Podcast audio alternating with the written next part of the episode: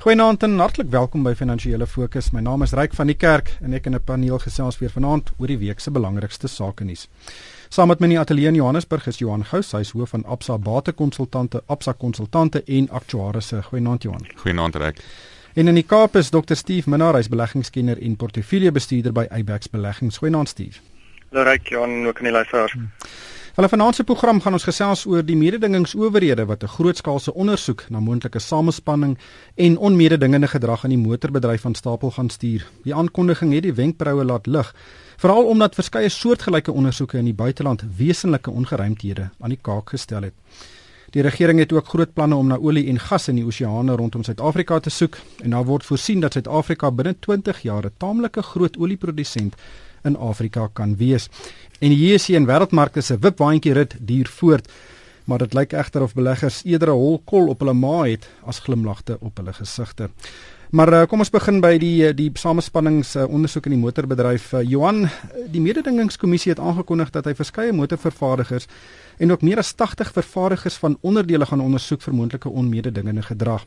En die onmededingende gedrag duur skynbaar al vir meer as 14 jaar. Ehm um, en die ondernemings het blykbaar pryse vasgestel, hulle het gekonkel met tenders en markte verdeel. En ons het ook sulke ondersoeke in die buiteland gesien waar daar ook heelwat ongeruimthede oopgekrap is. Uh, wat dink jy gaan hier aan? Ja, Ryk is uh, onlangs was dit natuurlik die konstruksiemaatskappye wat deur die kompetisiekommissie ondersoek is vir um, onkompeterende gedrag en die uh, kompetisiekommissie het toe nou aangedui dat hulle is besig met hierdie ondersoek na prysmanipulering deur die samewerking van motoronderdeelvervaardigers waaronder uh, groot name soos Panasonic, Mitsubishi en Hitachi ook dan betrokke is. Nou die ongeruimthede het uh, tydens uh, tenderaansoeke vir die verskaf van onderdele aan motorvervaardigers plaasgevind en dit wil voorkom of omtrent so 82 van uh, die onderdeel uh, vervaardigers betrokke was by hierdie samewerking rondom die pryse en waar daar so 121 verskillende motor uh, onderdele uh, ter sprake was. En uh, ek dink die onderdeelvervaardigers se onkompeterende praktyke word eintlik nou ook op 'n internasionale basis sterk ondersoek soos jy gesê het. Hmm. Steve, weet mense in Suid-Afrika is reeds ongelukkig oor die pryse wat ons vir motors betaal, veral as jy kyk wat 'n gewone motor in Suid-Afrika kos en dan gaan vergelyk jy met wat jy sien in Brittanje. As mense nou nuus kry dat hierdie uh, vervaardigers uh, weet gekonkel het om pryse vas te stel, dan weet dit laat regtig 'n frank smaak in die mond. Ja, weet ek luister die storie so en ek ek het nou nie enige detail oor presies wie aangevat word of wat en wat die prysvlakke is ensovoorts nie, weet maar ek dink mense nog net versigtig wees om heeltemal weg te hardloop met die storie. Jy weet motorvervaardiging is 'n geweldige kompeterende besigheid. Dit is dit is 'n groot volume besigheid. Suid-Afrika voer teen so 550 500 000 voertuie per jaar uit wat ons vervaardig wat miskien baie klink.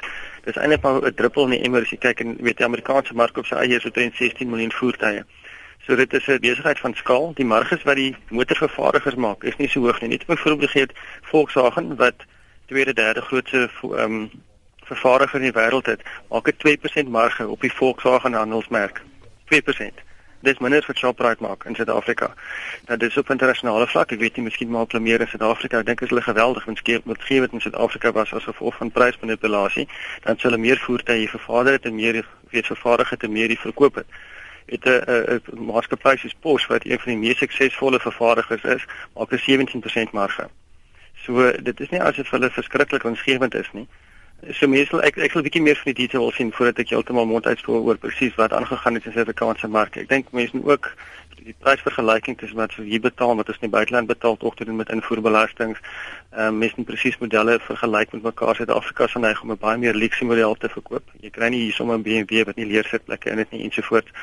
So ek sou graag meer detail wil sien voordat ek kan kan sê presies wie skuldig en presies wat hulle gedoen het. Johan, dis 'n interessante punt daai, maar weet ons het al soortgelyke ondersoeke gesien soos jy gesê het in die konstruksiebedryf. Ons het dit gesien in die chemikaliebedryf, die banke, broodpryse.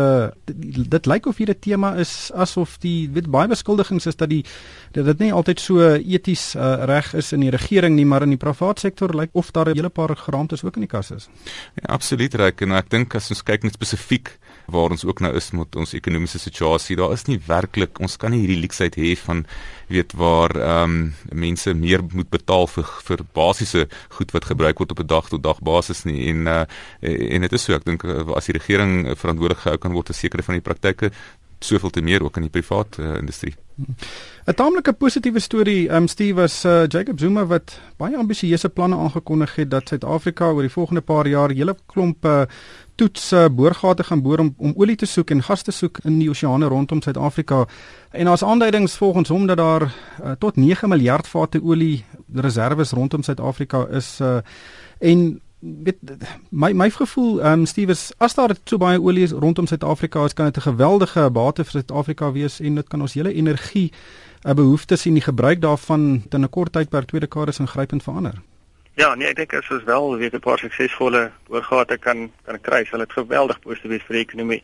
Jy weet as mense energie onafhanklik is, dan raak jy ook tot 'n sekere mate weet voedsel onafhanklik ehm um, ensovoorts want as jy genoeg krag het kan jy jy weet jy kan water ontsou in Suid-Afrika. Ons is eintlik 'n watertekort land so ek weet daar's geweldig baie voordele wat 'n mens weet verder stroom af kan kry as jy genoeg relatiewe goedkoop energie kan kry. Ons nou gesien wat dit wat dit die effek op die land nou dat ons krag nie meer goedkoop is nie as gevolg van die hele PDS kom debakel wat ons het.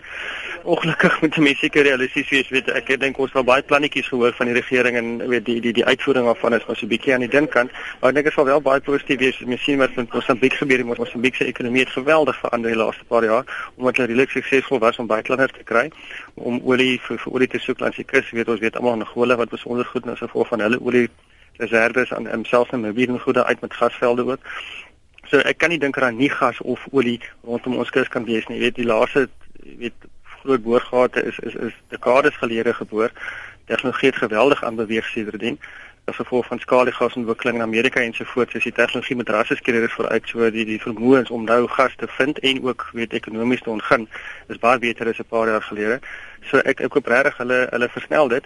Dit alles gesê dit moet blik gedoen word in 'n agtergrond van 'n redelike stabiele en 'n redelike bekende ehm um, wetgewingsraamwerk ek dink dit is ook 'n bekommernis gewees van die maatskappy tot here dat ehm um, jy weet die regering sê julle kan nie gate boor maar sodra hulle olie kry dan ons 'n redelike gedeelte van die besigheid vir onsself neem en die res nie noodwendig volprys voor betaal nie. Nou geen kommersiële besigheid gaan om daai tipe van terme besigheid doen of probeer om 'n eksplorasie besigheid van die grond af te kry nie so ek dink dit moet net eers vasgestel word voor ons buitelanders of of ander maatskappye kry om te begin boor. Ryk jy net miskien aan te sluit by ek dink dis redelik ambisieuse planne wat aangekondig is deur president Zuma. Die plan is om 30 eksplorasie ehm um, skagte te boor in die volgende 10 jaar en uh, dit kan tot die vervaardiging van volgens hulle tot 40 jaar se olie en 375 jaar se gasbehoeftes van Suid-Afrika lei, maar ek dink deskundiges voel dat hierdie skattings uh, baie spekulatief is gegee die beperkte toetse wat nou al gedoen is. En ek dink een negatief is dat daar's nog redelik baie onsekerheid oor Suid-Afrika se petroleumwetgewing en daarom wil baie van die uh, internasionale olie uh, vervaardigers nie werklik betrokke raak in ons industrie op hierdie stadium nie. Hoe raak dit die skaliegas neerslag wat ons sê dit is 'n geweldige groot neerslag. Dit het baie potensiaal, daar's baie teenkanting daarteenoor ook. Ehm um, hoe hoe raak dit daai neerslag? Kan dit dalk die ontginnings verskuif van die Karoo na die see toe of uh, is dit nie eintlik 'n opsie nie? Ja, ek dink dit is omdat die skaliegas situasie so sensitiewe situasie is, mag hierdie dalk 'n alternatief word en is dit miskien een van die redes hoekom hulle daarna kyk. Maar ek dink as ons gaan kyk na net ons huidige situasie op die betalingsbalans, dink ek sal enige iets wat ons kan produseer wat ons kan uitvoer net 'n positief vir die land wees. Uh, Steve Ja, nee, ek glo dat ons skalige jy weet so so so hanteer is 'n redelike emosionele storie so hulle nie nodig die voet aan sit nie, maar as jy dink wat dit vir die Amerikaanse ekonomie gedoen het, jy weet hulle het gegaan van 'n groot invoerder van energie tot effektiewe uitvoerder. Jy weet van 'n groot steenkoolmyners van sul gebruik het meer met hulle gebruik skaliegas nou, weet wat geweldige strome of voordele ook het in terme van die chemiese bedryf en so ek kan nie verstaan hoekom ons ons voete sloer daarmee. Ek dink jy weet die regering moet met alles moet met hulle net die die beste regulatoriese omgewing in plek stel mannekrag in plek stel om seker te maak hoe kan die ding ordentlik reguleer en polisieer en vorentoe beweeg of die besluit maak dat dit glad nie kan doen nie maar om die oomblik net te ploeter en niks te doen nie dink ek is is in niemand se voordeel nie. Johan, kom ons gesels 'n bietjie oor die markte. Die JSE het nou 'n tegniese regstelling beleef en dit is as hy nou met meer as 10% daal van sy hoogtepunt af. Maar die JSE volg ook maar wêreldmarkte se voorbeeld. Hoe lees jy op die oomblik die markscenario? Ek ek dink die huidige regstelling wat ons sien is redelik in die agterkop gewees van baie van die beleggers en markkommentators vir 'n geruime tyd nou al. En dit is belangrik om onsself te herinner dat ons 'n reële opbrengste van omtrent 15% die laaste jaar per jaar gehad het op ons JSE, so 15% bo inflasie. Nou op 'n rollende 10 jaar basis is, was die mark tot voor die huidige korreksie aan die begin van September uh nog net 3 keer op hierdie duursame vlakke sedert 1970 gewees. So ek dink die mark was reg vir 'n tipe van 'n daling gewees uh, of 'n tegniese korreksie en die die mark is gedryf deur hoë vlakke van likwiditeit, fiskale stimulus en lae rentekoerse wat beleggers natuurlik genoop het om meer geld in aandelemarkte te belê want dit nie regtig opbrengste op hulle rentedraande instrumente gekry nie. So ek dink die JSE ook die afgelope paar jaar sterk invloede van buitelandse beleggers wat die aandele gedryf het. Ek dink aandelepryse het 'n groot mate van die ekonomiese herstel wat ons wêreldwyd gesien het, sowel as optimisme rondom verdienste syfers vir maatskappye uh, verdiskonteer. Nou, ek dink met die ekonomiese nuus wat die laaste week of 2 so bietjie swakker uitgekom het, was daar 'n groot vraagteken of die markte nie dalk net bietjie te ver vooruitgehardloop het nie. En ek dink beleggers het nou winste begin neem na die goeie opbrengste wat hulle gehad het en ek as jy gaan kyk Riggemont, Billiton, SAB en Naspers, die groot aandele wat sterk gehardloop het die laaste paar jaar, hulle almal is 15 tot 20% laer as hulle onlangse hoogtepunte. En ek dink alhoewel die IMF of die internasionale monetaire fonds se jongste verslag op uh, stadige spoed van herstel in die vir die wêreldekonomie en die Suid-Afrikaanse ekonomie uh, vir volgende jaar ook dui, dink ek nie daar was enige fundamentele faktore wat drasties verander het om te sê hierdie mark kan nie nog steeds styg nie, maar ek dink daar moet net so 'n bietjie meer van 'n inlyn bring wees in terme van die mark versus die ekonomiese fundamentele faktore. Steve Ja, nee, ek dink Johan stel dit besonder goed en ek het hom jy weet in al die raakpunte daar geraak. Jy weet waar en ek deel van die wat mense altyd met gedagte, jy weet met alles alles stimule wat hulle het oor die wêreld Jy weet jy kan tipies geld leen teen 2 of 3%. Nou net die eenvoudige sommetjie is 100 gedeel deur 2 of 3. Dit gee vir die die prysverdienste verhouding van wat die mark dan ook kan normaliseer. So so prysverdienste van 20 as jou rentekoers 5% is is veronderstel om normaal te wees. Dis 'n aanhalingstekens. So mense is bereid om baie meer te betaal vir aandele. Ehm um, gevolg nie vir dit net van 'n geen opbrengs op rente kry nie. En die probleem met die die die die rente is dis 'n onnatuurlike vlak, jy weet um, dit dit maak nie sin om rentekoerse op daai vlakke vir altyd te hou nie en ek dink dit maak dat die hele jy weet dit is as 'n kar wat bietjie begin swaai, jy weet jy gaan hom nie onmiddellik terugkry in 'n reguit lyn nie. Hy gaan net bietjie oorkorrigeer na 'n kant toe voordat hy hom weer terugkry na 'n normale vlakte. As mens kyk na die na die goud en die platinumprys wat ook onder geweldige druk is op die oomblik, uh, dan dan maak dit nie heeltemal sin nie. In die verlede was daar eintlik 'n teenoorgestelde ooreenkoms tussen aandelepryse en en en die goudprys byvoorbeeld, maar nou is albei onder druk. Hoe werk dit? Ek dink jy weet goud is altyd gesien as 'n soort van 'n veilige hawe. As jy bekommerd is oor die vlak van ander bates en bang is van afgekoop vir jou goud, maar ek dink intussen mense of agterkom maar daar nie dit goud nie noodwendig die die veilige hawe is wat hulle dink dit is nie. Platinum is eintlik 'n meer industriële kommoditeit wat jy weet die ding word gebruik in, in plaas van goud wat net vir belegging gekoop word. En ek dink daar's groot debat oor presies hoeveel platinum daar reeds bo die grond is wat reeds verfyn is.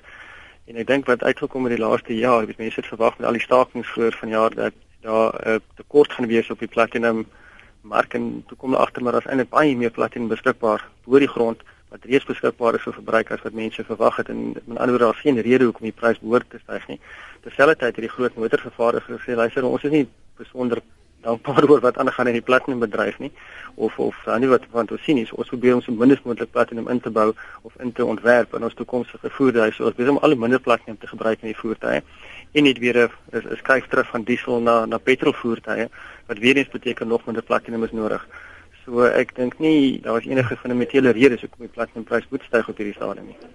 Johan, uh, die tyd is besig om ons in te haal. Ek wil net vinnig gesels, die staat is besig om sy uh, of wil dalk sy belang in Vodacom verkoop en dit kan 'n baie groot strategiese aanduiding wees indien hy daai belang verkoop en die bron hiervan is eintlik uit, uit Brittanje uit. Bloomberg hier nuusdiens Bloomberg het daar met 'n paar mense gesels en hulle sê die regering gesels saam met bankiers in in Brittanje om dit dalk die geleentheid te ondersoek om sy 14% belang in Vodacom wat omtrent 26 eh, miljard rand werd is te verkoop en dan is daar sprake dat uh, die regering daai geld wil gebruik om vir Eskom te help om sy infrastruktuurprojekte finansier. Ja, ek ek dink ons gaan 'n bietjie meer uh, sien waar staan ons in terme van die staatsfinansies met die mediumtermyn begroting wat opkom hierdie week, maar uh, ek dink die Eskom situasie is die groot probleem op hierdie stadium. En ja, hulle kyk daarna om daai dalk van daardie bates van hulle te verkoop om te kyk of hulle daardie skuldgat kan toemaak um, by Eskom. Ek dink die rede hoekom dalk van hierdie nuus uit Londen uitkom is uh, die verwagting is dat uh, Vodafone heel moontlik een van die partye is wat kan kyk na hierdie aandeel. Vodafone natuurlik uh, met reeds 65% van die aandele van Vodacom en die Afrika mark is vir hulle baie belangrik omdat hulle sukkel op hierdie stadium. Daar's so groot kompetisie in Europese markte. Hulle soek vir 'n groei area. Hulle voel dat as hulle dalk volle aandelehouding in 'n filiaal maatskappy kan hê, sal dit vir hulle 'n beter strategie wees en um, ek dink Vodacom is tans baie goed geposisioneer in Tansanië, die DRK, Mosambiek en Lesotho. So ek dink hy gaan baie goeie belegging wees om te kan maak vir enige iemand. Is dit 'n privatisering of is dit maar net die slim aanwending van 'n bate wat uh, binne die regering se finansiële strukture is? Goeie vraag, reg? Ek dink dit is 'n geforseerde privatisering ongelukkig in hierdie hmm. situasie. Johan het laastens Woensdag word die mediumtermyn begrotingsraamwerk aangekondig en dis natuurlik die begroting wat 'n bietjie meer na die mediumtermyn kyk, die die vooruitsigte van die regering se staatsfinansies uh oor die volgende 3 tot uh 5 jaar. Uh, dit verskil natuurlik van die begroting wat ons in Februarie sien wat uh, net kyk na die spesifieke boekjaar. En uh, daar's 'n hele paar verwagtinge oor, oor wat Nhlanhla die nuwe minister nou kan sê. Wat, wat is jou verwagtinge? Rek ek dink tog 'n groot belangstelling wees in die komende Woensdag se se begroting aangesien antwoorde gesoek gaan word vir hoe Suid-Afrika sy fiskale situasie gaan verbeter en hoe ons dan ook die ekonomie aan die groei gaan kry. Nou ek dink die vooruitskattinge vir die verbetering van ons begrotingstekort word met elke begroting in Februarie en dan met die mediumtermynbegroting net elke keer aangeskuif. En ek dink as ons net gaan kyk, waar is daar daar's nie eintlik veel speling hier so vir die regering mee te werk nie. Aan die inkomste kant sit ons met 'n traai ekonomie. Belasting is 'n baie sensitiewe situasie. So as jy daarna sou kyk om dit te verhoog, gaan dit heel moontlik 'n welvaartstipe van belasting moet wees. Aan die uitgawe kant gaan hulle nie werklik enige iets kan sny nie want dit gaan polities net nie aanvaarbaar wees uh, spesifiek vir die ANC as die regerende party op hierdie stadium nie. So ek dink uh, dit is die groot fokus is, is op die stadium hoe gaan ons daai balans in ons fiskus weer regkry? Want die groot fokus is gaan ons meer belasting betaal of nie? Ek dink die kanse is uh, baie goed dat ons sal moet want ek sien nie enige ander bronne van addisionele inkomste in die ryk en ons kyk hier na 'n moontlike kredietafgradering as ons nie begin duidelike tekens gee van wanneer en hoe ons daardie skuldprobleem gaan oplos nie. Ongelukkig op daardie uh, noot is dit alwaarvoor ons tyd het vanaand. Baie dankie aan Johan Gous, hy's hoof van Absa Bate Konsultante, Absa Konsultante en Aktuarisse. En in die Kaap was Dr. Steve Manal, hy was 'n beleggingskenner en portefeuljebestuurder by Ibex Beleggings. Van my ryk van die kerk, dankie vir die saamluister.